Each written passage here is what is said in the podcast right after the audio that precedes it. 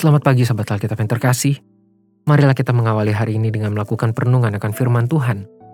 Bacaan Alkitab kita pada hari ini berasal dari kitab kisah para rasul pasal yang ke-6 ayat 1 sampai 7. Pada masa itu ketika jumlah murid makin bertambah, timbullah sungut-sungut di antara orang-orang Yahudi yang berbahasa Yunani terhadap orang-orang Ibrani. Karena pembagian kepada janda-janda mereka diabaikan dalam pelayanan sehari-hari. Berhubung dengan itu, kedua belas rasul itu memanggil semua murid berkumpul dan berkata, Kami tidak merasa puas, karena kami melalaikan firman Allah untuk melayani meja. Karena itu, saudara-saudara, pilihlah tujuh orang dari antaramu yang terkenal baik dan yang penuh roh dan hikmat, supaya kami mengangkat mereka untuk tugas itu, dan supaya kami sendiri dapat memusatkan pikiran dalam doa dan pelayanan firman.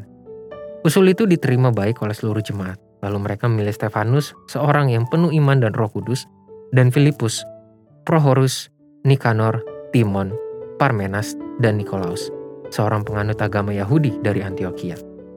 Mereka itu dihadapkan kepada rasul-rasul, lalu rasul-rasul itu pun berdoa dan meletakkan tangan di atas mereka. Firman Allah makin tersebar dan jumlah murid di Yerusalem makin bertambah banyak.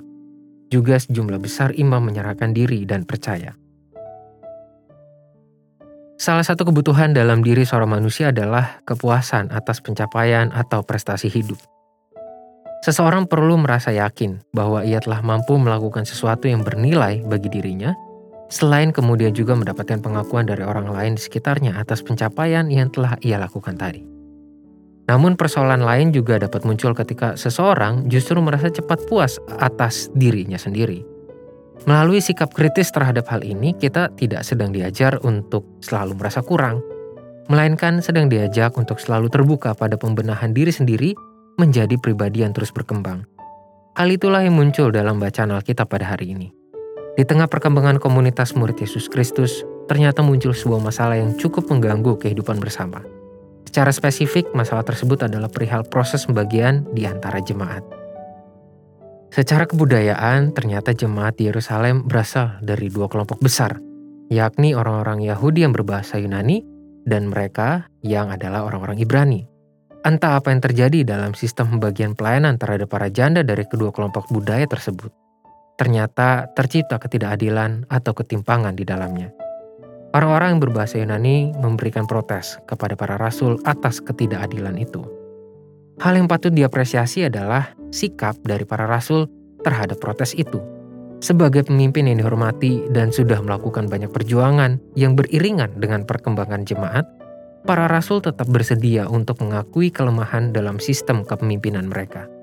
Para rasul tidak meninggikan diri di atas protes para anggota jemaat yang merasa ketidakadilan.